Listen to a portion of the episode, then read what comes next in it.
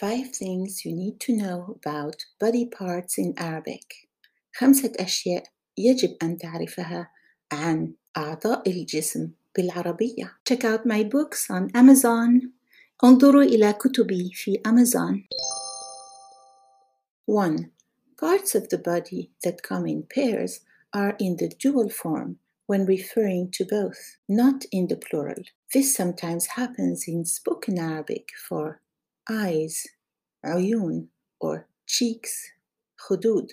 For example, بعض أعضاء الجسم تأتي في المثنى فمثلا نقول عينان أو خدان ولكن في بعض العاميات نقول عيون أو خدود.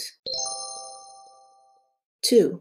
Short vowel declensions are usually only visible in fully vowel texts, such as Quranic verses or children's books or poetry. Long suffixes, however, are always written and pronounced. لا تكتب الحركات إلا في النصوص القرآنية أو كتب الأطفال أو الشعر. في المثنى عندنا آني وأين في آخر الكلمة.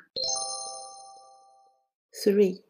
The word for finger, plural fingers, إصبع, أصابع, is used for both fingers and toes. You just need to specify. نستخدم كلمة إصبع وجمعها أصابع لأصابع اليدين والقدمين. 4. The word chin, ذقن, is used for beard in some dialects. في بعض العاميات تسمى اللحية ذقنا. 5. Like in many other languages, the word for tongue, لسان, also means language. كما يحدث في كثير من اللغات، كلمة لسان تعني لغة أيضا. Bonus tip when a dual noun is followed by a noun or pronoun, the noon is removed. معلومة إضافية تحذف نون المثنى عندما يتبعها اسم أو ضمير. Examples أمثلة أجريت العملية في قدمي الولد. The operation was done to the boy's two feet. In English, you would just say the boy's feet. In Arabic, it's more specific. The boy's two feet في قدمي الولد. نظرت الطبيبة في عينيه. The doctor looked in his eyes. In Arabic, we say the doctor looked in his two eyes. في عينيه. The noon is removed.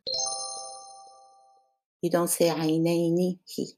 That would be wrong. Just like you would not say في قدمين الولد. في قدمي الولد. The noon has to be removed. أجريت العملية في قدمي الولد.